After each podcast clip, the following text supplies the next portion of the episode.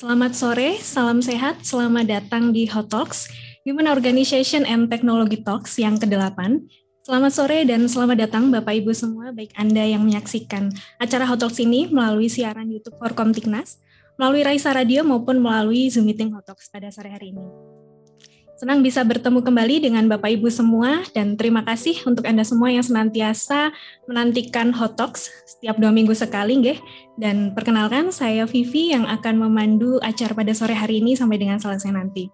Bagi Bapak Ibu yang baru saja bergabung di Hot Talks mulai dari sesi ini, Hot Talks merupakan acara yang diselenggarakan oleh Minat Sistem Informasi Manajemen Kesehatan, Departemen Kebijakan Manajemen Kesehatan FKKMK UGM yang bekerja sama dengan Forkom Tiknas. Hot Talks ini diselenggarakan setiap Jumat sore pada minggu pertama dan minggu ketiga setiap bulannya. Dan pada kesempatan sore hari ini, Bapak Ibu, kita akan kembali menyaksikan dan menyimak tema yang menarik dan tentunya tidak kalah penting ya dengan tema kita pada sesi-sesi sebelumnya. Tema kita pada sore hari ini tentang membongkar mitos sulitnya mengelola data di rumah sakit. Wah, seperti apa topik yang akan dibahas pada sore hari ini? Kita akan bersama-sama menyimak selama kurang lebih 45 menit ke depan di mana tema ini akan disampaikan langsung oleh narasumber luar biasa yang sudah kami hadirkan untuk Anda semua tentunya. Ada Dr. Agus Ujianto, MSI Med Spesialis Bedah. Beliau merupakan direktur dari PP Predikti, yaitu Perhimpunan Kedokteran Digital Terintegrasi Indonesia. Nah, berikut CV-nya sudah ditampilkan ya dengan sederet pengalaman beliau yang luar biasa dan ternyata beliau juga merupakan direktur dari RSI Banjarnegara. Namun izin saya sapa terlebih dahulu untuk narasumber kita. Selamat sore Dr. Agus. Selamat sore Mbak Vivi. Assalamualaikum. Ya, terima kasih sudah berkenan hadir Dr. Agus di sela-sela kesibukannya Dr. Agus. Sore. Dan pada sore hari ini, Dr. Agus akan ditemani oleh moderator kita, ya sosok yang luar biasa yang namanya juga sudah tidak asing lagi. Ada Pak Anis Watdea dari Departemen Biostatistik, Epidemiologi and Population Health Depart uh, eh, FKKMK UGM. Ya, selamat sore Pak Anis. Selamat sore Mbak Vivi. Ya, terima kasih atas kehadirannya Pak Anis. Baik. Dan uh, baik, selanjutnya uh, kami silakan untuk Anda semua bisa bergabung Bapak Ibu. Selamat menyimak. Apabila nanti ada pertanyaan, disilakan bisa menyampaikan pertanyaan melalui kolom chat atau boleh juga bertanya, berdiskusi secara langsung dengan resen terlebih dahulu. Baik, waktu disilakan untuk Pak Anies. Monggo Pak Anies. Oke, makasih Mbak Vivi. Uh, selamat sore semuanya. Assalamualaikum warahmatullahi wabarakatuh. Uh, salam sehat para uh, pemirsa Hot Talk yang menghadiri sesi ke-8 uh, sore kali ini. Dan sore kali ini kita akan membahas topik yang menarik saya kira tentang membongkar mitos sulitnya mengelola data di rumah sakit. Dan kita kebetulan sudah hadir bersama dengan Dr. Agus Ujianto. Assalamualaikum, Dr. Agus. Waalaikumsalam, Pak suhu saya. Waduh, ini kebalik no. Iya. Saya, saya belajar dari Mas Agus. Uh, meskipun belum pernah ketemu langsung ya, tapi kita udah sering uh, diskusi di uh, apa di beberapa kesempatan. Uh, Dokter Agus tadi seperti dikenalkan oleh uh, oleh Mbak Vivi, uh, beliau adalah direktur rumah sakit dan ini yang menarik, dokter spesialis bedah nih. Nah nanti kita akan diskusi ngobrol nih. Uh, topiknya kan mengenai anu ya human organization and technology. Mungkin yang pertama uh, kita mulai dari sisi humannya dulu deh. Hmm.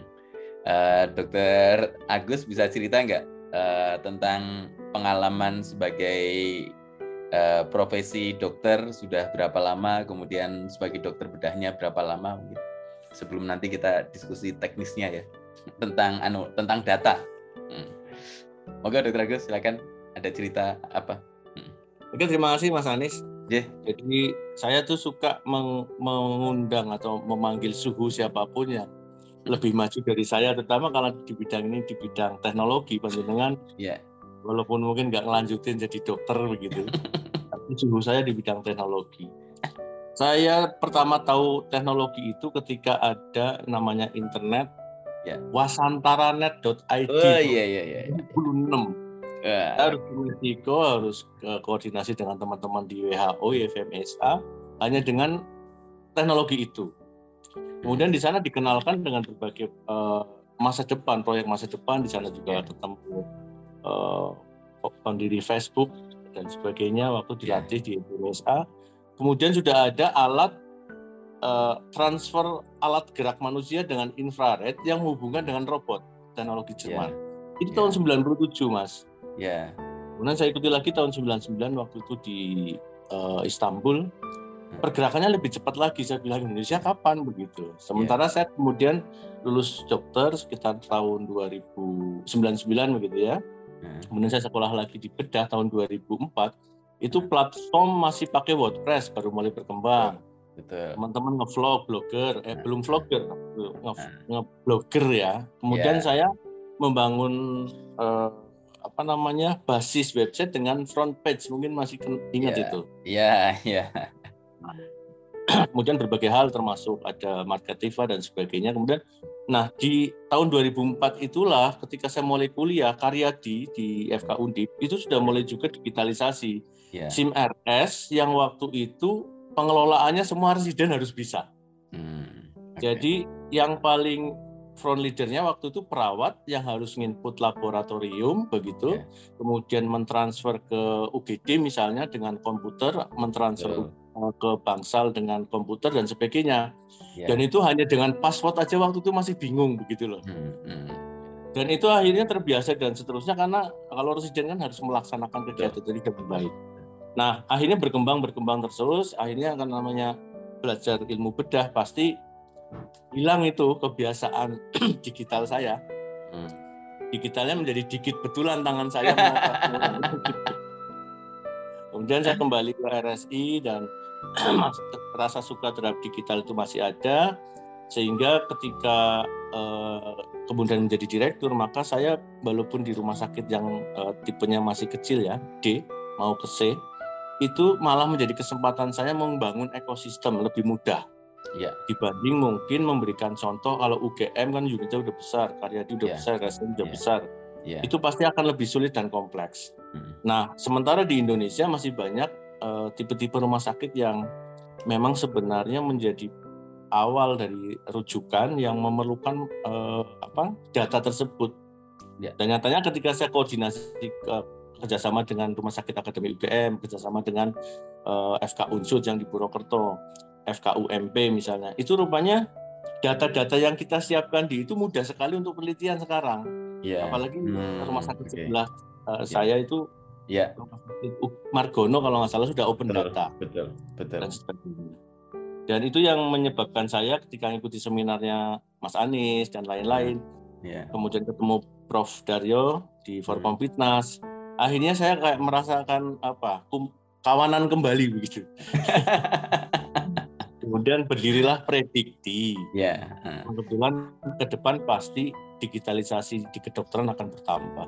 Ya. Mungkin ya. awalnya seperti itu, Mas. Oke, J. Wah, ini anu ya, kelihatannya kok anu ya, ada beberapa pengalaman yang mirip ya. Saya kira mungkin beberapa teman-teman generasi uh, kita yang mungkin seumur ya, mungkin mengalami internet itu ya mengalami uh, tadi ya, Wasantara itu saya kira juga anu itu uh, pengalaman pertama saya kenal internet juga demikian. Dulu saya masih ingat um, uh, salah satu fitur yang sering dipakai itu untuk komunikasi itu ada MIRC itu buat chatting gitu. Uh, saya pengalaman chatting itu sampai nangis-nangis itu adalah ketika pertama kali chatting itu dengan almarhum Prof. Iwan dan Bu Ut, beliau ada Prof. Adi Utarini, beliau ada di London, kita ada di IKM UGM, itu chatting itu kerasanya waduh kayak kangen itu wah luar biasa. Uh, wah sekarang wah nggak bisa membayangkan soalnya dulu itu komunikasi itu susahnya setengah mati.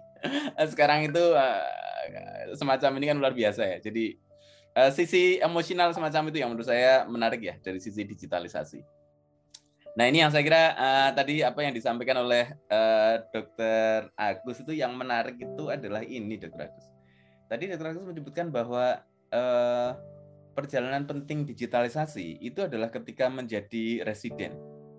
Nah, sekarang pertanyaan saya adalah, um, bagaimana kemudian proses di uh, rumah sakit pendidikan, entah itu koas, residen, itu dapat bertahan lama membentuk minat orang dan kemudian menjadi senang dengan digitalisasi dan teknologi dan setelah kemudian uh, masuk ke tempat kerja itu tetap bisa bertahan kira-kira resepnya apa ya dokter Agus ya resepnya keinginan mencari ilmu dan itu sesuatu yang masa depan. Jadi yeah. Iya. uh, kebiasaan saya misalnya, sekarang saya malah belajar digital lebih sulit daripada hanya melihat orang berjalan ada uh, struma harus saya operasi tekniknya yeah. begini saya udah nggak mikir. Hmm. Jadi ibarat orang nyetir terbiasa saya sudah terbiasa untuk ilmu bedahnya misalnya begitu. Hmm. Sama digitalisasi dulu di awal-awal saya membuat website dengan front page satu dua puluh menit itu jadi kan begitu. Yeah. Tinggal yeah. upload dan sebagainya. Nah, saya kira generasi yang akan datang pun saya akan melihat ada beberapa penelitian bahwasanya ketika orang diberi kuliah kalau nggak salah di Amerika saya lupa kemarin nggak baca jurnal apa judulnya itu pada saatnya pada 9 menit pertama sisanya partial attention tapi kalau dilakukan terus menerus itu uh, akhirnya menjadi kebiasaan dan akan menjadi wisdom. Jadi ketika sama ini kita kan mau menuju 5.0. Sementara kalau yang generasi yang seperti kita ke atas saja yang sudah masuk ke 4.0 kan baru berapa persen paling. Sisanya yeah. masih bertahan yeah. di 3.0. Yeah.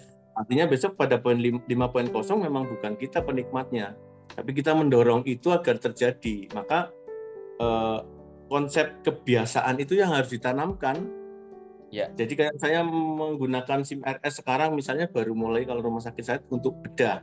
Itu aja ya. kebiasaan saya menulis e-resep, membuatkan apa diagnosis yang uh, kemudian dimasukkan ke data dan sebagainya. Kemudian di compare itu dibantunya justru oleh pemaksaan BPJS, contohnya gitu. Hmm, okay, BPJS okay. itu kan memaksa kita memberikan masukan apa pun, kemudian mereka mereview kembali. Nah, hmm. kalau kita nggak paham big data yang diberikan BPJS, maka kebijakan yang akan yang diberikan BPJS kepada kita pun ya akan kita denial. Maksudnya apa sih BPJS begitu? Tapi ketika kita analisis rupanya BPJS tujuannya tujuannya begini, maka kita bagaimana caranya misalnya eh, apa menginisiasi agar klaim tidak apa defisit dan sebagainya itu akan akan ketahuan karena mereka mereview terus. Nah, kebiasaan kita itu pada praktek keseharian tanpa melihat data yang sebenarnya terkumpul. Nah tadi mitos sulit itu zaman dulu mas kita tahu sendiri ya. penelitian harus sudah ethical clearance jadi masuk ke ke apa namanya ke catatan medis ya. nyari satu-satu begitu. Ya, nah ya. sekarang kan enggak diabetik nanti dengan komplikasi dengan apa sudah keluar semua begitu. Jadi hanya kebiasaan saja untuk input biasanya yang memang agak sulit untuk memulai sebuah konsep digitalisasi termasuk SIM RS nanti mas. Ya, ya. Oke jadi berarti sebenarnya fase pendidikan tadi saya catat ya fase pendidikan itu menjadi salah satu periode penting untuk membangun uh, kultur budaya mengenal digital kemudian juga setelah uh, peserta didik selesai kemudian tempat kerjanya juga saya kira juga tetap harus memaintain dengan fasilitas yang tersedia kemudian yang ketiga juga instrumen penting sekarang karena uh, pelayanan juga harus ada yang membayar dan sekarang dengan CKN Indonesia pesertanya juga mungkin sudah 82-83 persen.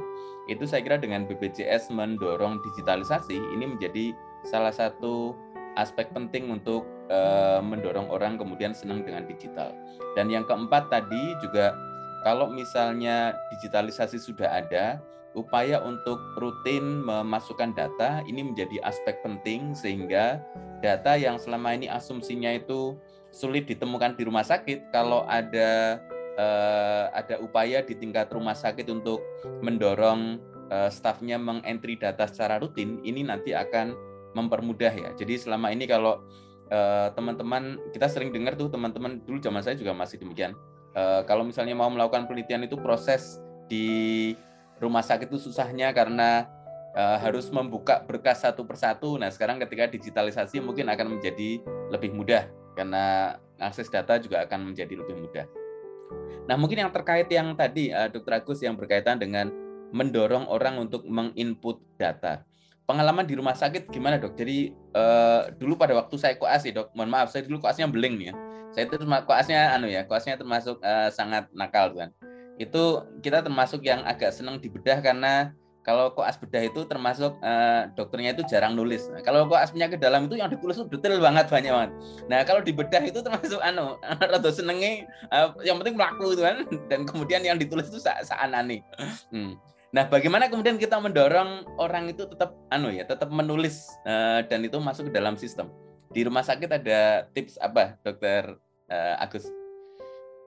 Ya jadi kalau di rumah sakit saya kan ada sebenarnya waktu itu mengaplikasikan dengan vendor ya, tapi ya. sekarang kita sudah punya uh, bidang IT sendiri yang memang satu uh, yang dasar-dasar itu uh, masih pakai karena harus trial dan sebagainya ya. kan banyak uh, apa membuat platform itu kan harus melalui proses analisis, perencanaan, ya. pembuatan desain, implementasi desain, ya kan, dokumentasi, testing dan lain-lain.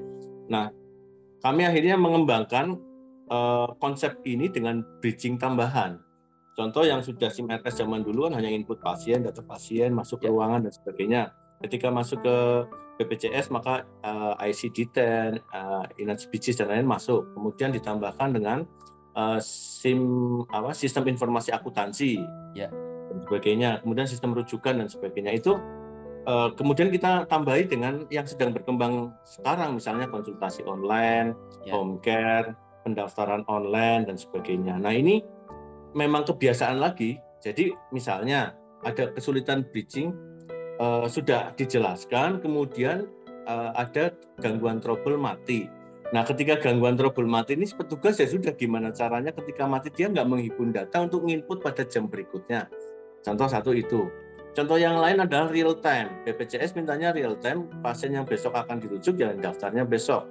Ini kan harus ada ada mekanisme mendaftar pada malam hari versus rujukan yang dikirim dari puskesmas ke rumah sakit.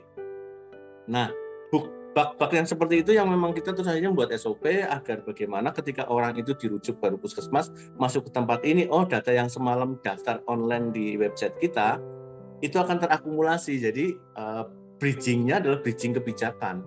Belum bisa ya. bridging memang BPJS belum terintegrasi dengan sistem yang kita inginkan begitu. Tapi saya kira ke depan akan masuk dalam satu data semuanya uh, teknologi akan tambah maju, saya kira bak-bak itu akan bisa tertanggulangi, Mas. Ya, uh, berarti gitu. kuncinya di anu ya, kuncinya di kebijakan rumah sakit ya, Dokter Agus ya. Jadi Dokter ya, Agus ketika tadi melihat ada problem semacam itu, membuat SOP yang memudahkan dan memfasilitasi kalau masih ada masalah dalam proses integrasi data antar sistem tadi contohnya BPJS ya kita membuat prosedur agar petugas kita dapat menyelesaikan sehingga uh, alur atau patient journey-nya di rumah sakit tidak akan terpotong. Nanti saat sudah di layanan dicari lagi datanya nggak ada, ternyata masih di manual kan kesulitan. Sehingga nanti harus segera ada tim yang segera mengentrikan data kalau misalnya sistem lagi error misalnya putus misalnya. Nah, itu kalau di rumah sakit itu bentuk panduannya yang dibuat oleh direktur apa uh, Dokter Agus ya? Ada SK direktur, kemudian ada SOP yang disahkan oleh komite medik atau apa biasanya? yang berkaitan dengan aspek uh, apa menjamin uh, data terkumpul? Ya, jadi saya pertama membuat pedoman dari cara tata laksana input data, kemudian disebut di SOP-kan oleh IT, kemudian sosialisasi kepada unit-unit uh, terkait yang siap. Nah, sampai saat ini kemarin yang dimulai adalah misalnya farmasi yang paling siap, kemudian ya. salah satu karena saya direktur sekaligus juga praktek bedah, maka kita mulai dulu. Nah, implementasi dan kekurangan yang ada saya copy pastekan dan berikan tahukan pada unit-unit yang sudah siap lainnya. Ya. Contohnya keperawatan, laboratorium, radiologi itu sudah mulai berjalan seperti itu. Ya. Nah, nanti tinggal yang terakhir adalah wisdom dari si dokter. Karena dokter biasanya juga karena kesibukannya harus ada apa pelimpahan wewenang untuk input Ah, Contoh okay. diagnosa tulisannya masih jelek ini diagnosanya kan sambil ngomong tuh lipom nah, betul nanti dicek. Pada saat praktek dia mendiagnosa menulis seperti biasa kemudian diinput pada fase-fase tertentu oleh ya. asisten terutama perawat. Memang dalam proses digitalisasi ini yang akan paling paling apa namanya berjasa ya ujung tombak pelayanan terutama keperawatan karena memang dia transisi antara antar unit dan versus DPJP begitu. Ya, ya ini menjadi menarik ya. Jadi uh, menjamin kualitas data di rumah sakit tidak hanya uh, tanggung jawab dokter karena apa ya karena leader dalam proses pelayanan klinik juga tentu saja adalah dokter tapi juga anggota tim yang lain juga saya kira sangat berperan dan perawat tadi disebutkan oleh uh, dokter Agus juga saya kira menjadi garda terdepan untuk memastikan kualitas data uh, dokter Agus uh, benar nggak sih mitos bahwa uh, apa uh, untuk mengenalkan digitalisasi itu juga sangat uh, atau terkait dengan umur nggak sih jadi kalau misalnya semakin senior, tantangannya menjadi lebih susah daripada yang junior, apalagi di era generasi yang sekarang. Iya mas, pasti kalau tidak ada niat. Tapi kalau ini rasa suka ada, makanya kemarin ketika kita membuat CPO di masing-masing unit rupanya sulit, kita bawakan si dokter itu dengan tab misalnya. Rupanya hmm. dengan tab dia kayak nulis uh, konsep di WhatsApp. WhatsApp kan sudah ya. terbiasa itu hampir semua ya. generasi yeah. bisa. Yeah. Nah dengan aplikasi yang mirip-mirip itu mereka rupanya lebih yang senior senior dan sebagainya lebih oh ini sesuai dengan zaman saya begitu ya karena hanya menulis saja tanpa input tanpa buat masukan ke blog-blog itu udah lebih simpel begitu. Oke. Okay, okay. Kalau dulu kan misalnya SMS, SMS kan yeah. look like ngetik WA. Ya. Mirip dengan apa dulu ya zaman dulu ngetik ini Starco apa siapa? Ya, Starco dulu, uh, anu ya. Uh, betul, betul, betul. Pager, pager. Gitu. Jadi pagerku berbunyi gitu kan ada lagu itu. Jadi transformasi itu ya memang harus menyesuaikan sih. Ya. Jadi saya pikir ke depan kode etik ya karena masalah begitu saja karena kita nggak tahu teknologi yang menggeser apa kebiasaan maka kode etik dan regulasinya juga belum belum siap karena humaniora daripada teknologi ini kan perlu penerjemahan. Ya orang sudah pernah biasa konsul di saat pendidikan dengan WhatsApp, telepon, uh, belum waktu itu belum ada video call dan sebagainya sudah terbiasa dan bisa mengimplementasikan SBAR kan situasi background yeah. assessment dan yeah. rekomendasinya hmm. bagaimana. Nah sekarang ketika teknologinya ada, kok menjadi dibahas lagi padahal itu sudah kebiasaan gitu. Yeah. Yeah. Jadi uh, tinggal apa ya nanti wisdom sih wisdom daripada yeah. kesepakatan kita begitu di era seperti ini. Ya. Eh, berarti anu ya, ini ada pertanyaan dua pertanyaan menarik dari Pak Muhammad Alkaf nih. Nanti juga sekalian kita tanyakan ya. Isunya juga saya kira menarik terkait dengan regulasi, terkait dengan uh, penyesuaian. Nah, uh, saya mungkin tanya satu lagi, Dr. Agus. Kalau di RSI Banjarnegara itu statusnya rekam medis elektroniknya itu kita sudah full elektronik untuk sebagian tertentu atau masih ada hibrid ya? Jadi ada yang di uh, kertas, ada yang di elektronik, atau mungkin di sebagian tertentu elektronik semua. Nanti kalau yang mau butuh kertas tinggal di print dimasukkan ke dalam berkas. Uh, saat ini situasinya seperti apa, Dokter Agus? Ya kan kalau yang sifatnya sudah integrated dan diakui itu kan kayak laboratorium, ya. ronsen. Jadi alat-alat yang dianggap penunjang apa pemeriksaan penunjang itu sebenarnya sudah hibrid dari dulu kan. Ya Nah, itu bisa di print orang tidak ribut kan begitu. Ya, betul. Nah, yang jadi masalah adalah ketika kita menulis dan sebagainya, kita uh, apa bentukan uh, dalam bentuk file begitu, orang belum terbiasa. Betul. Jadinya sebenarnya teknologi ini berjalan bersama.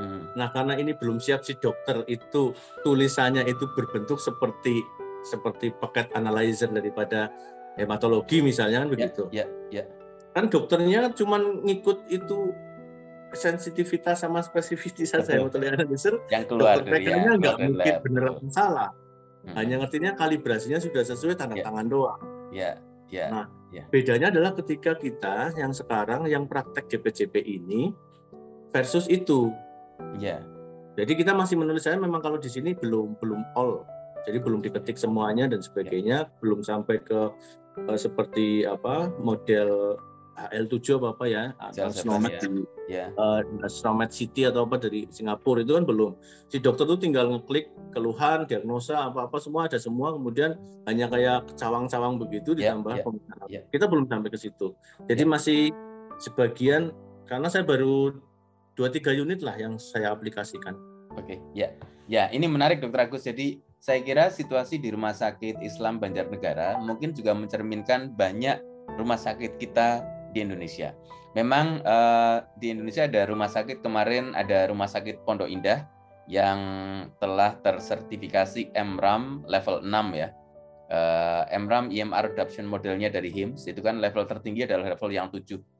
Uh, dulu rumah sakit pertama yang sampai level 7 adalah rumah sakit uh, Seoul National University Bundang Hospital ya di di Korea. Banyak rumah sakit-rumah sakit di Singapura dulu saya pernah visit beberapa di antaranya tahun 2016 2015 mereka sudah sampai level 6. Kita Indonesia baru ada assessment pertama kemarin rumah sakit Pondok Indah level 6. Nah, tetapi saya kira sebagian besar rumah sakit kita justru rumah sakit yang sekarang sedang berjuang mencoba menerapkan digitalisasi. Dan pengalaman tadi yang disampaikan oleh Dr. Agus saya kira menarik tuh. Jadi kalau misalnya kita mau me, apa, merefleksikan situasi digitalisasi, kenyataannya sekarang di banyak rumah sakit, terutama di perangkat penunjang, seperti misalnya laboratorium, kemudian radiologi, mereka sudah hadir uh, sebagai produk digital dan kita itu tidak komplain, tidak tidak mempermasalahkan termasuk hasilnya misalnya hasilnya itu eh, kan komputer juga kadang-kadang kalau nggak dikalibrasi itu juga kemudian itu saya kebetulan clinical pathologist ya itu dia juga anu dia juga dikomplain oleh anu oleh oleh dokternya juga me, me, apa mengapa gambaran di lab itu berbeda dengan anu ya gambaran klinisnya ya tergantung tadi kalibrasinya tetapi yang menarik adalah alat-alat itu hadir secara digital kita nggak masalah. Tapi ketika kemudian rekam medisnya kita tulis menjadi digital, baru kemudian muncul isu medical legal, etik dan lain-lain. Nah terkait dengan ini ada dua pertanyaan deh. Mungkin uh, saya tanyakan ke uh, uh, anu ke saya tanyakan ke Dokter Agus nih. Uh, ini maturnuwun dari Pak Muhammad Alkaf, Dokter Muhammad Alkaf atau Pak Muhammad Alkaf. Uh, maturnuwun atas pertanyaannya. Ini saya saya tanyakan ya, uh, Dokter Agus, apa ada pengalaman masalah etik atau medical legal terkait dengan uh, rekam medis elektronik? Pernah ada pengalaman nggak di RSI Banjarnegara terkait dengan isu uh, elektronisasi atau digitalisasi rekam medis? Jadi uh, belum ada sih ya, karena biasanya kalau itu kan kebocoran data dan sebagainya. Ya. Jadi kalau ada konflik seperti itu karena merasa datanya dibocorkan atau bagaimana. Ya. Sementara uh, kultur di sini mungkin atau Indonesia banyak itu sebenarnya itu bukan kultur komplain, tapi akibat informasi yang salah. Jadi dalam inform consent banyak konflik seperti itu. Ah, oke. Okay. Okay. Pasti beberapa hal karena inform consent yang di depan salah, penerimanya nggak berimbang, ada seperti itu beda dengan kebocoran data di luar negeri. Tapi kalau saya berpikir kebocoran data, yang sekarang pun kan misalnya gini, orang dengan kasus visum et repertum, ya. saya nggak boleh mengeluarkan data kan harus ada surat dari kepolisian.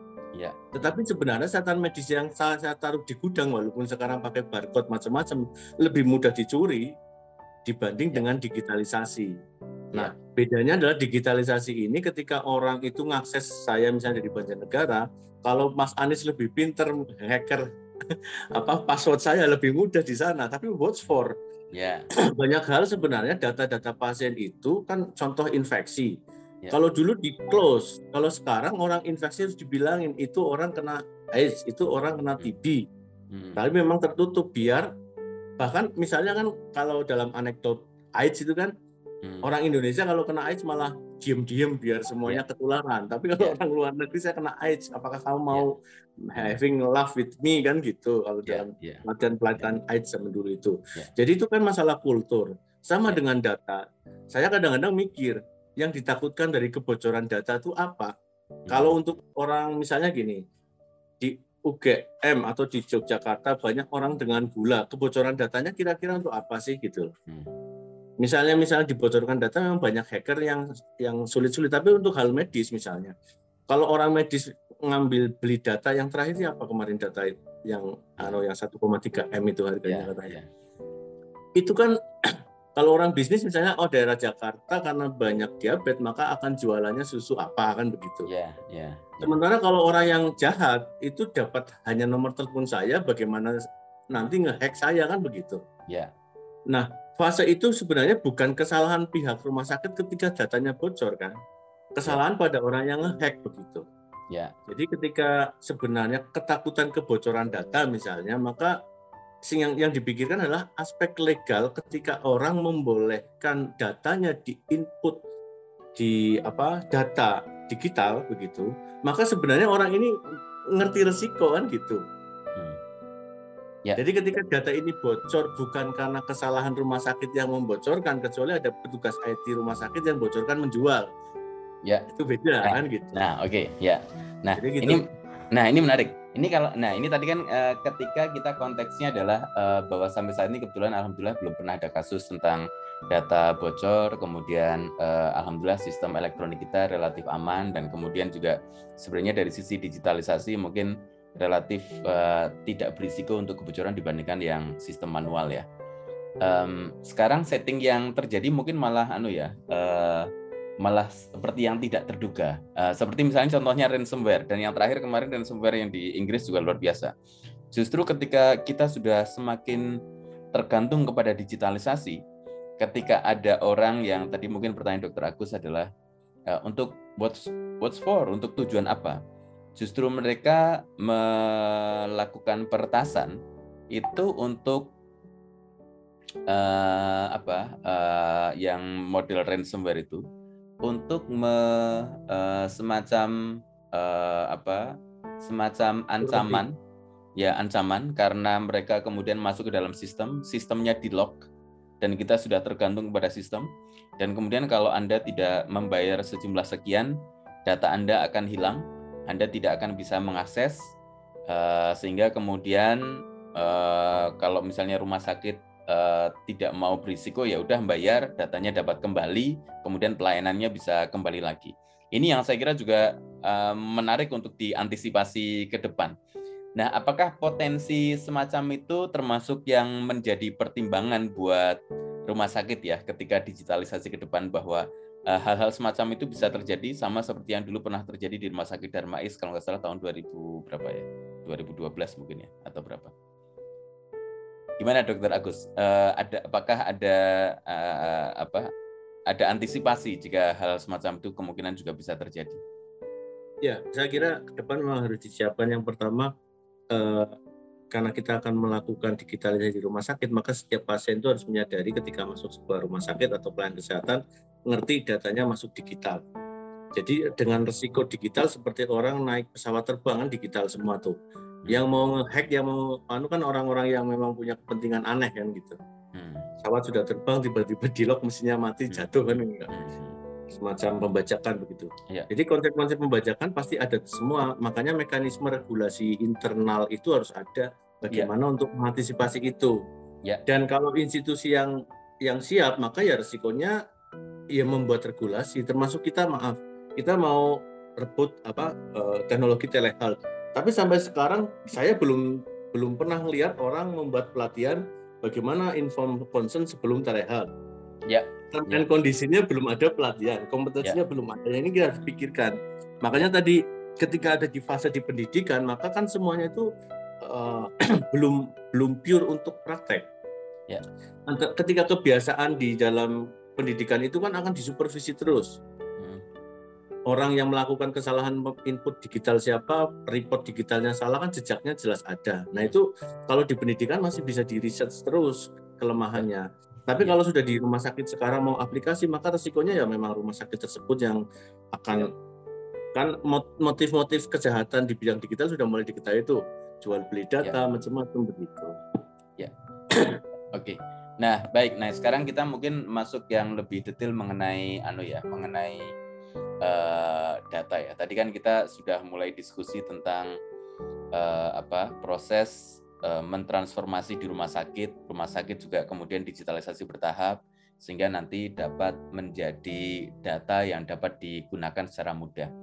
Um, Dokter Agus bisa cerita lebih lanjut nggak untuk uh, tadi dua atau tiga unit yang sudah mulai digitalisasi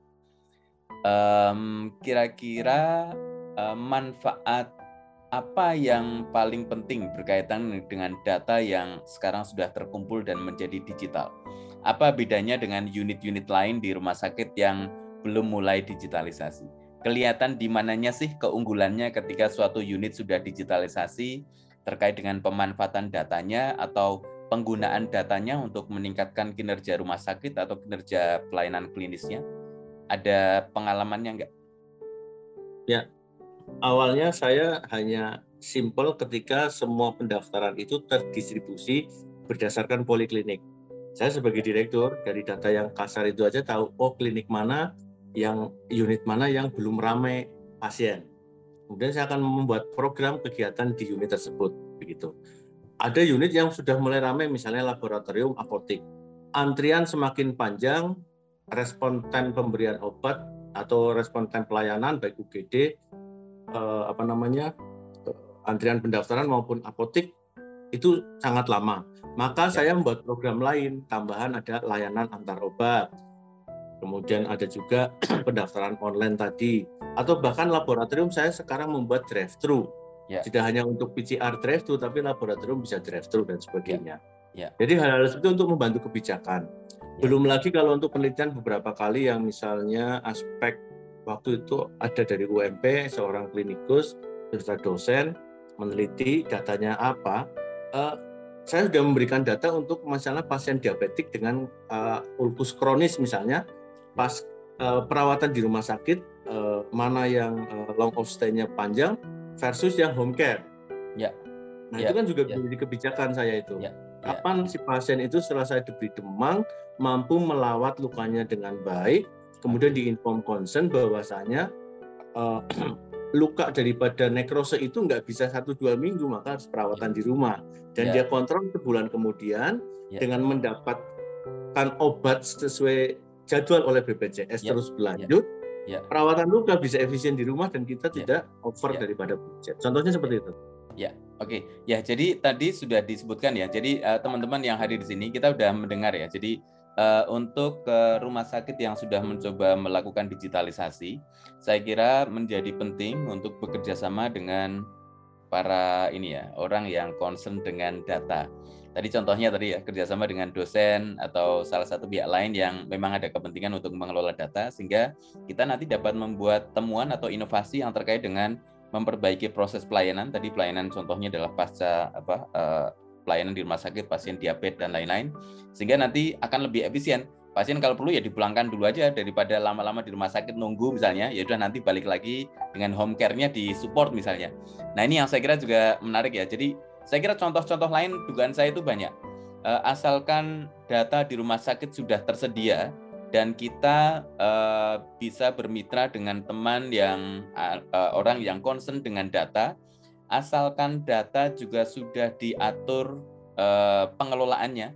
Jadi kalau misalnya kita memberikan data kepada pihak di luar rumah sakit untuk menganalisis, tentu saja harus dipastikan di deidentifikasi ya, dianonimkan sehingga nanti tetap kita hargai privasi, kerahasiaan pasien.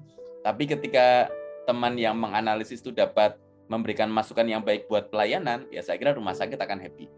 Nah, kalau uh, terkait dengan uh, apa kebutuhan atau ketersediaan teman-teman yang menganalisis data. Kalau secara internal di rumah sakit kita memiliki uh, profil profesi atau orang-orang tersebut atau lebih baik kita bermitra dengan pihak luar, Dokter Agus ya. Kalau misalnya untuk kepentingan mendaya gunakan atau mengoptimalkan data yang sudah terkumpul secara digital di rumah sakit tergantung tujuan dan konsep ya. yang dikembangkan. Kalau ya. memang untuk kebijakan sendiri, minta aja konsultan bisa. Ya. Tapi ya kan bayar gitu. Kalau ya. saya pada cenderung melatih teman-teman, saya buatkan lead bank, saya buat uh, surat tugas, tolong buat data tentang uh, long of stay penyakit ini berbanding penyakit ini versus ya. uh, biaya begitu misalnya ya. atau plan ya. BPJS ya. gitu. Nanti ya. akan masuk ke input saya. Ya. Atau versus keluhan pasien eh, terhadap tadi layanan-layanan sudah kita kembangkan akibat data tersebut. Ya. Saya membuat leadbank, Mas. Oke. Okay, leadbank okay. itu harus laporan ke saya tiap minggu. Oke. Okay. Nah, ini saya kira menarik buat teman-teman ya. Jadi uh, sebagai direktur rumah sakit, Dokter Arif, uh, Dokter Agus kemudian juga menjelaskan tentang bagaimana ada unit di rumah sakit yang kemudian memanfaatkan data tersebut. Nah, apakah di lead bank tersebut juga bekerja sama dengan unit IT untuk melakukan konversi data yang sifatnya rutin, kemudian nanti dijadikan report yang secara otomatis menjadi dashboard atau produk lain yang nanti secara periodik dihasilkan atau lebih kepada on demand request ya. Eh, sekarang minta apa, sekarang minta apa atau ada eh, hasil dari on demand request kemudian dirutinkan menjadi dashboard atau laporan yang nanti uh, secara periodik di uh, sediakan kepada pimpinan atau pihak yang membutuhkan? Ya, sampai saat ini sudah ada beberapa misalnya kebijakan dan on dashboard yang sudah online. Ya. Saya bisa ngeklik lewat website dengan password tertentu atau pegawai tertentu, uh, kumnya sudah berapa begitu misalnya atau ya. capaian kinerjanya sudah masuk berapa sudah masuk bisa saya akses oleh direktur. Nah, ya. ke depan memang tugas-tugas itu kalau sudah terbiasa itu mereka ya. akan uh, mengetahui datanya itu sendiri di unitnya masing-masing. Ya. Jadi okay. seperti laboratorium kapan menyediakan uh, apa namanya regen yang harusnya habis karena memang datanya ini rupanya trennya di sini adalah penyakit ini ini yang harus disiapkan. Mereka akan yeah. cepat input untuk manajemen regen apa yang harus disiapkan untuk uh, lebih uh, apa namanya cepat menyediakan sehingga tidak ada ke apa keterbatasan regen saat dibutuhkan. Contohnya seperti itu. Ya, ya baik. Jadi, Jadi menarik ya. Dashboard, betul bertahap mas ya betul betul ya jadi uh, teman-teman yang ada di Holtok ya kita bisa melihat bahwa ini contoh bagaimana rumah sakit kemudian uh, dengan uh, apa kewenangan Dokter Agus sebagai pimpinan rumah sakit mendayagunakan resourcesnya mendayagunakan SDM-nya mendayagunakan unitnya Kemudian kalau ada produk yang kemudian akan dihasilkan secara rutin untuk memantau kinerja rumah sakit, nanti dijadikan dashboard, sehingga dashboard tersebut dapat membantu pimpinan rumah sakit untuk memantau kinerja entah kinerja staff, kinerja unit, sehingga data yang terkumpul menjadi uh, bermanfaat. Nah ini yang saya kira uh, apa relevan dengan orang saat ini ketika bicara data itu adalah anu, new oil, data itu adalah uh, minyak baru atau sangat uh, valuable. Kalau misalnya kita mulai memperbaiki dari depan, tadi kan kita diskusi itu di depan, memperbaikinya bahwa budaya kita sekarang menjadi digital, kemudian semuanya didorong menjadi digitalisasi, tapi juga kita memperhatikan resources bertahap, dan kalaupun sudah ada, ada proses untuk memanfaatkan data. Nah, Dokter Agus, kita masih ada waktu sekitar 15 menit terakhir. Saya membacakan beberapa pertanyaan dari teman-teman. Moga-moga berkenan untuk ke untuk mendiskusikan ya. Uh, tapi nanti kalau waktunya terbatas, mungkin mohon maaf bagi teman-teman yang pertanyaannya tidak sempat kita uh, kita diskusikan. Mungkin yang pertama saya pilih dari uh, Ibu Intan Ningtyas atau Mbak Intan Ningtyas. Uh, ini, dokter izin tanya, bagaimana cara mengkolaborasikan uh, elektronik rekam medik atau IRM rumah sakit dengan kelengkapan rekam medik sesuai dengan standar akreditasi, terutama akreditasi uh, tahun 2022. Silakan, dokter Agus. Ya, jadi kemarin saya anu uh, retrospektif karena Star Starkes itu kan beda dengan yang lama. Ya. Jadi standar Starkes kita siapkan, kemudian uh, kita baru berhasil paripurna kemarin dengan Larsi juga. Nah, data itu akhirnya menjadi data bersama bahkan uh, kita kembangkan dengan Larsi. Ini bisa untuk menjadi data ke depan uh, untuk medical record begitu. Karena saya kan masih bridging antara medical record uh, sebagian dan sebagian masih apa namanya uh, tulis begitu ya. Masih konvensional masih tradisional begitu. Jadi ini memang sedang shifting shifting ke arah uh, apa yang kemarin dievaluasi. Jadi uh, kalau kemarin sih semua yang sudah dibuat uh, SOP dan sebagainya kan sudah diupload. Nah hasil uploadan itu kan juga ke data di Larsi kemudian uh, di feedbackkan ke kita begitu Nah, feedback ya. ke kita ini yang kekurangan-kekurangan input misalnya kayak barcode, kayak eh, pertanyaan bagaimana pembuatan barcode dan sebagainya, saya lakukan secara bertahap. Ya. Barcode sekarang hanya untuk kebijakan dulu misalnya untuk surat menyurat dan sebagainya belum sampai ke ke dokter DPCP karena DPCP juga belum semuanya siap. Tapi ya. mereka sudah ada beberapa contohnya hanya untuk absen dan sebagainya untuk uh, apa jasa medis begitu untuk visit dan sebagainya sudah masuk tapi untuk yang yang sifatnya instruksional begitu, yang uh, sifatnya uh, apa namanya soap gitu misalnya atau esbar itu masih ya. masih fifty fifty belum belum bridging semuanya. Ya.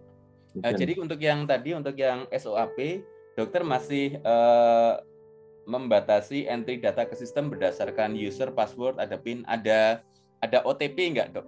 Atau masih anu user password seperti biasa? masih user password ya. dan mereka masih menulis di uh, apa rekam medis yang masih kertas juga diisikan ya masih di kertas karena masih di kertas Ya, karena bridgingnya belum selesai saya. Ya.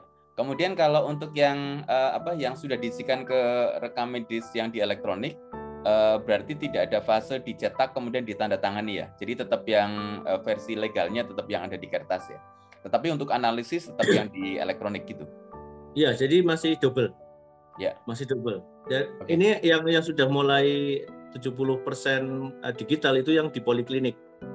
Poliklinik ya, rawat jalan ya. Iya, nanti karena kalau kalau yang sudah visit itu kan masih multi multi petugas tuh ada ya. petugas laborat, ada petugas gizi, petugas ini belum belum bridging semuanya. Ya. Oke. Nah, um, Dokter Agus ini ada pertanyaan menarik nih. Uh, Pak Arief, uh, Pak Arief masih Pak Arief Hasan Hasani? Saya Pak. J. Uh, Pak Arif kelihatannya mau share sesuatu nih tentang bagaimana sistem UI yang terpadu berbasis Fire untuk menghasilkan data. Eh, kira-kira uh, bisa share atau boleh mohon izin untuk share screen. Yeah. Uh, Mbak Vivi bisa diizinkan Pak Arif untuk share screen? Oke, okay, uh, Pak Arif dari mana Pak Arif? Uh, saya bersama saya dari perkenalkan saya Arif Hasani Pak. Saya ya. bersama Dr. Ahmad. Kalau Pak Dr. Ahmad Hidayat, beliau dari sisi medical, saya dari sisi teknologinya, Pak. Oke, oke, silakan. Permisi, mohon izin untuk share ya. screen.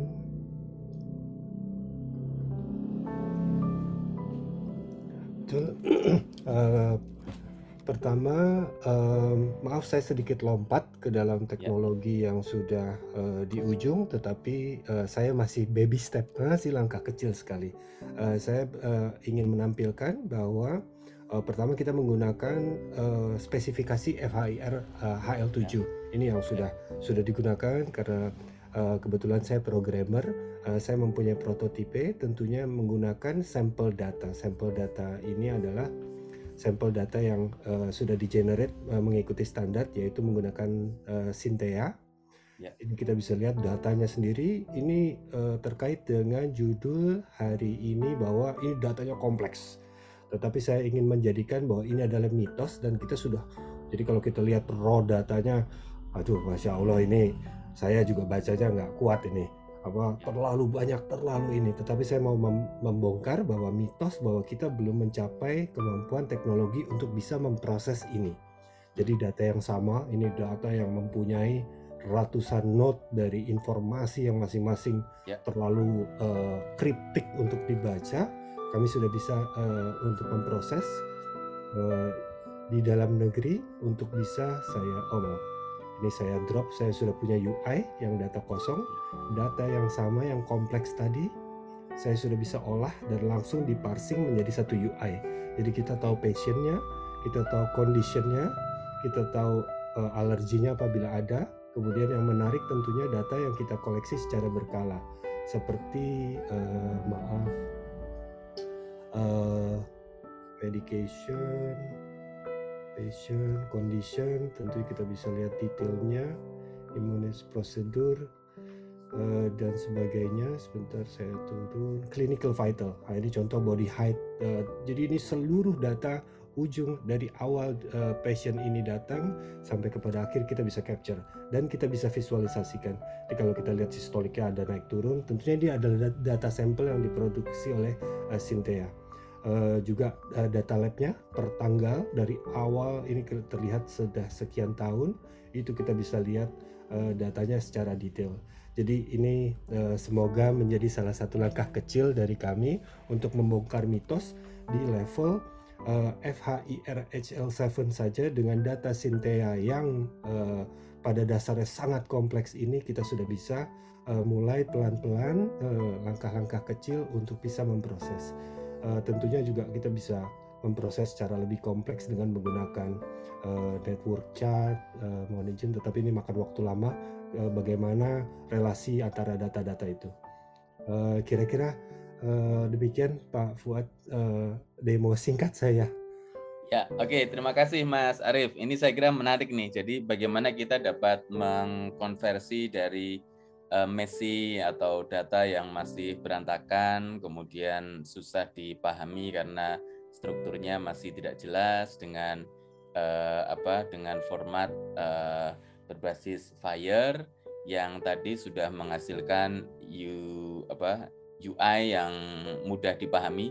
Bayangan saya ini UI-nya itu kayak anu ya, kayak resume medis ya. Jadi kalau misalnya kemarin kita lihat di tanggal 26 Juli ada peluncuran satu sehat. Uh, moga-moga uh, nggak tahu mungkin uh, saya mau induk reaksi Mas uh, Mas Arief ya. Uh, jadi ketika uh, Kemenkes ingin mencoba uh, menyediakan platform untuk bertukar menukar data antara satu vaskes dan vaskes lainnya berdasarkan resume medis, saya kira pendekatan Fire Itself 7 yang tadi formatnya juga mudah dilihat menjadi salah satu pilihan dan tadi ada salah satu contohnya. Apakah demikian Mas Arif ya? Kurang Betul. Lebih. Uh, kita sudah memiliki di dalam negeri kemampuan untuk bisa memproses, memparsing dan mempersiapkan data ya. elektronik rekam medik ini untuk menjadi interchangeable secara uh, general itu Pak Fuad. Ya. Oke, ya. Nah, menarik ini. Uh, terima kasih Mas Arif. Nah, Sama mungkin dengan senang hati. Okay, uh, mungkin Dokter Agus ada ada komentar nih tadi yang terkait dengan bagaimana data dari berbagai uh, apa data layanan yang mungkin masih tersedia dalam format database yang belum terstruktur tapi kemudian uh, ada fitur berbasis uh, apa standar uh, itself seven fire yang memungkinkan menghasilkan output uh, dalam bentuk resume medis yang lebih mudah terbaca dan dapat dipertukarkan dengan mudah. Mungkin ada komentar Pak Agus terkait dengan ini. Ya ini kalau Mas Arief atau Mas Anies ini bisa memberikan apa klaster begitu ya, maka klaster-klaster rumah sakit tipe mana saja yang membutuhkan ini ini bisa nih karena apa kesiapan rumah sakit satu dengan yang lain kan beda-beda. Ya. Nah termasuk data yang disampaikan tadi kalau bagi saya saya luar biasa pingin banget punya kayak gitu. Tapi ketika ekosistem yang saya ada di sini akan berpikir juga yang lain akan pikir untuk apa begitu karena memang yeah. belum sampai society-nya ke situ. Yeah. Nah makanya klaster-klaster yang diinginkan atau tipe-tipe rumah sakit mana ini bisa di breakdown mungkin karena yeah. memang health level 7 ini kan luar biasa integrasinya itu. Yeah. Bagi kita dengan melihat data yang tadinya berantakan kemudian ngerti langsung uh, sebuah itu kan berarti aplikasi AI ya sama big data ya. Jadi akan sangat membantu untuk masa depan. Nah, sosialisasi ini yang harus sering dilakukan untuk para apa namanya eh, pemegang kebijakan versus eh, apa namanya eh, komun ekosistem yang ada di, di tempat gitu loh. Di kesiapannya ya. kan pasti nih dokternya belum siap ngapain buat itu saya hanya tahu orang kena tipe aja udah bidal sama ini aja begitu kan seperti itu. Ya. Itu kan di Indonesia klaster-klaster rumah sakit di daerah klasteran masih banyak segmentasinya begitu. Ya. Mungkin kalau enggak nih si IT saya nih ngerti nih. Yang kemarin saya minta masukan Mas dengan oh, implikasi yang ada di RSI versus yang tadi disampaikan Mas Arif Hasani. Oke, uh, Mas Imam mungkin uh, bisa open mic silakan Mas Imam. Oke, Pak Anies. Uh, eh, RSI Banjarnegara, silakan. Jadi Pak Anies kalau dari berdasarkan tadi yang Mas Arif itu ya, ya. menarik katanya HL7. Jadi karena HL7 di tempat kita juga buat acuan ya kalau untuk pembentukan CMRS Mas Anies seperti itu. Ya. Oke. Gimana Mas Mas Imam ada tambah? Tadi suaranya sempat terputus. Halo? Oke, Dokter Anis. Ye, ye. Ya, kalau udah terdengar, ya? Ya, udah udah terdengar, ya. Ye. Jadi kalau untuk yang tadi kayak ditampilin Mas Arif Hasani gitu, yang untuk HL7, sudah kalau di tempat kita tuh ke, untuk HL7 sama Fir itu buat acuan kita pembentukannya si meresnya itu loh Mas. Ya, ya. Oke, oke, J. Ya, saya kira ini jadi menarik ya, uh, bahwa saya kira perkembangan teknologi saya kira menjadi salah satu aspek penting ya tadi disebutkan oleh Mas Arief ya. Jadi tadi kita udah diskusi bahwa untuk ke apa untuk membongkar mitos ya sulitnya mengelola data di rumah sakit, aspek eh, SDM penting, kepemimpinan penting, kemudian komitmen uh, tim di rumah sakit penting, kemudian bagaimana uh, pimpinan rumah sakit menggerakkan sumber daya itu juga penting. Nah, kemudian teknologinya juga penting ya. Saya kira kalau teknologinya juga sudah hadir dengan sistem yang terstandarisasi dan protokol peng, pengelolaan pengiriman data yang tersedia ini juga saya kira menjadi salah satu aspek penting untuk me, mengubah bahwa data yang uh, sulit diolah di rumah sakit sekarang dapat dipatahkan. Nah, uh, sebelum uh, dua menit terakhir, saya mungkin sharing sedikit karena kebetulan saya di Persi di kompartemen data dan informasi. Mungkin saya sharing sedikit tentang tadi yang disinggung oleh uh, Dr. Agus ya. Jadi uh, di Persi kemarin uh, kami melakukan survei tentang situasi digitalisasi di rumah sakit. Ini kan kalau misalnya kita melihat secara historical ya, 2013 itu hanya 30% rumah sakit yang menerapkan SIM-RS. Tapi kemudian kalau uh, apa? Uh, kalau misalnya data yang sudah kelihatan belum ya slide saya? G sudah terlihat. Sudah kelihatan ya. G. Jadi kalau misalnya 2013 uh, rumah sakit yang menerapkan uh, SIM-RS itu masih uh, masih sekitar 30 persen. Tadi Dokter Agus juga saya mengamini ya dengan adanya JKN yang menerapkan SIMRS jadi naik. Pandemi itu juga naik lagi. Nah tantangannya adalah setelah pandemi itu seperti apa? Nah kemarin kami survei, surveinya itu yang tahun 2022 ya bulan Maret. Memang rumah sakit yang menerapkan billing eh, billing system ini ya sudah 80-an persen ya lebih lah. Memang ada yang belum optimal ini, tapi banyak yang sudah optimal. Tetapi kalau mau masuk ke rekam medis elektronik, eh, Dokter Agus jadi benar tuh. Jadi yang menerapkan eh, IMR ini jumlahnya menurun dari 80% menjadi sekitar 50%. Tetapi yang 50% yang optimal itu menjadi lebih sedikit lagi, hanya sekitar 15%. Nah, ini yang saya kira uh, ini menjadi uh, kunci penting uh, terutama rumah sakit-rumah sakit yang siap nanti menerapkan teknologi yang baru dan SDM-nya saya kira sudah oke. Okay. Dan mungkin banyak rumah sakit yang masih uh, belum mungkin yang uh, apa yang uh, baru berencana membangun yang tahun ini atau bahkan masih ada yang belum. Nah, bagi yang belum sama sekali mungkin juga kalau misalnya sudah mempertimbangkan pentingnya mungkin bisa langsung melompat sekalian. Teknologinya kita siapkan, SDM-nya kita siapkan, sumber dayanya keuangan kita siapkan. Nah, itu yang saya kira menarik.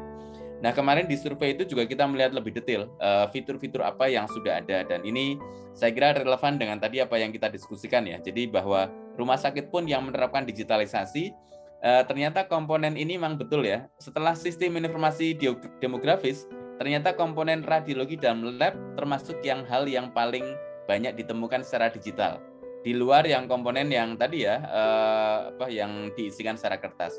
Nah ini yang saya kira anu ya menurut saya situasi tadi mungkin singkatan dari Dokter Agus apa tadi situasi SB apa Pak Agus? Situasi background, assessment ya. dan rekomendasinya. Ya, situasi B-nya apa? Background, latar belakang.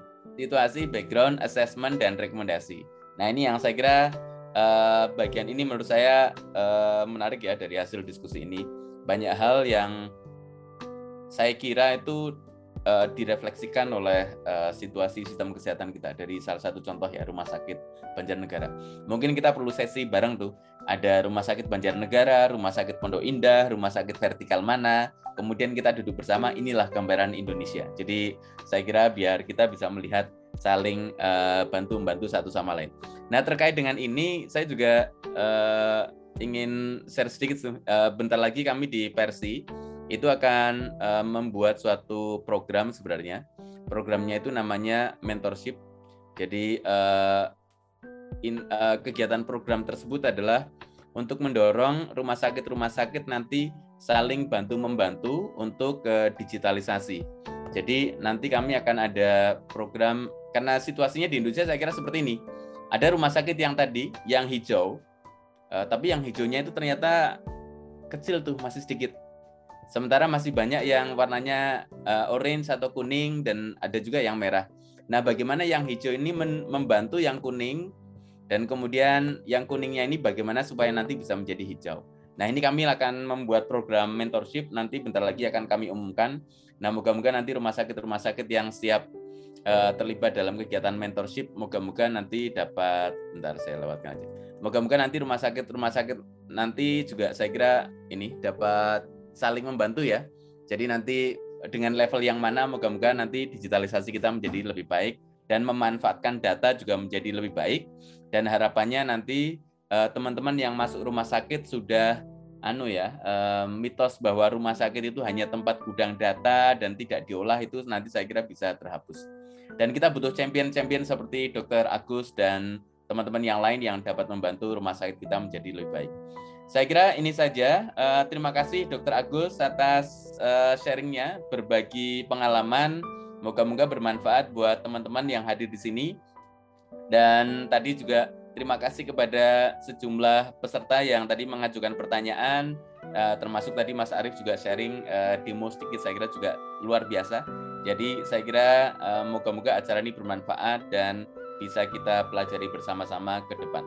Saya kira itu saja. Mohon maaf kalau saya membawakan acara ini mungkin disertai dengan kesalahan.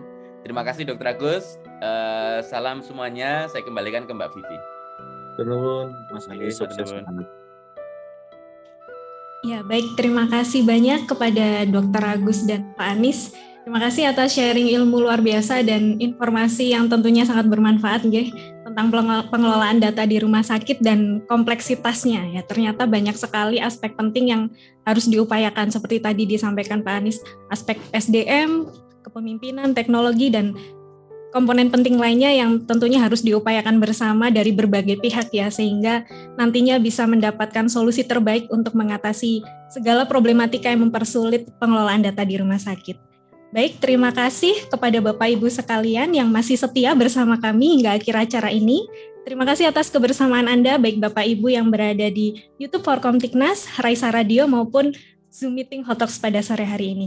Nantikan terus edisi-edisi Hotox selanjutnya setiap dua minggu sekali di hari Jumat sore pukul 15.30 sampai 16.30 waktu Indonesia Barat. Saya Vivi berserta tim yang bertugas mohon pamit undur diri. Mohon maaf apabila ada kesalahan selama acara berlangsung. Terima kasih, salam sehat, selamat sore, dan selamat berakhir pekan Bapak Ibu semua. Terima kasih.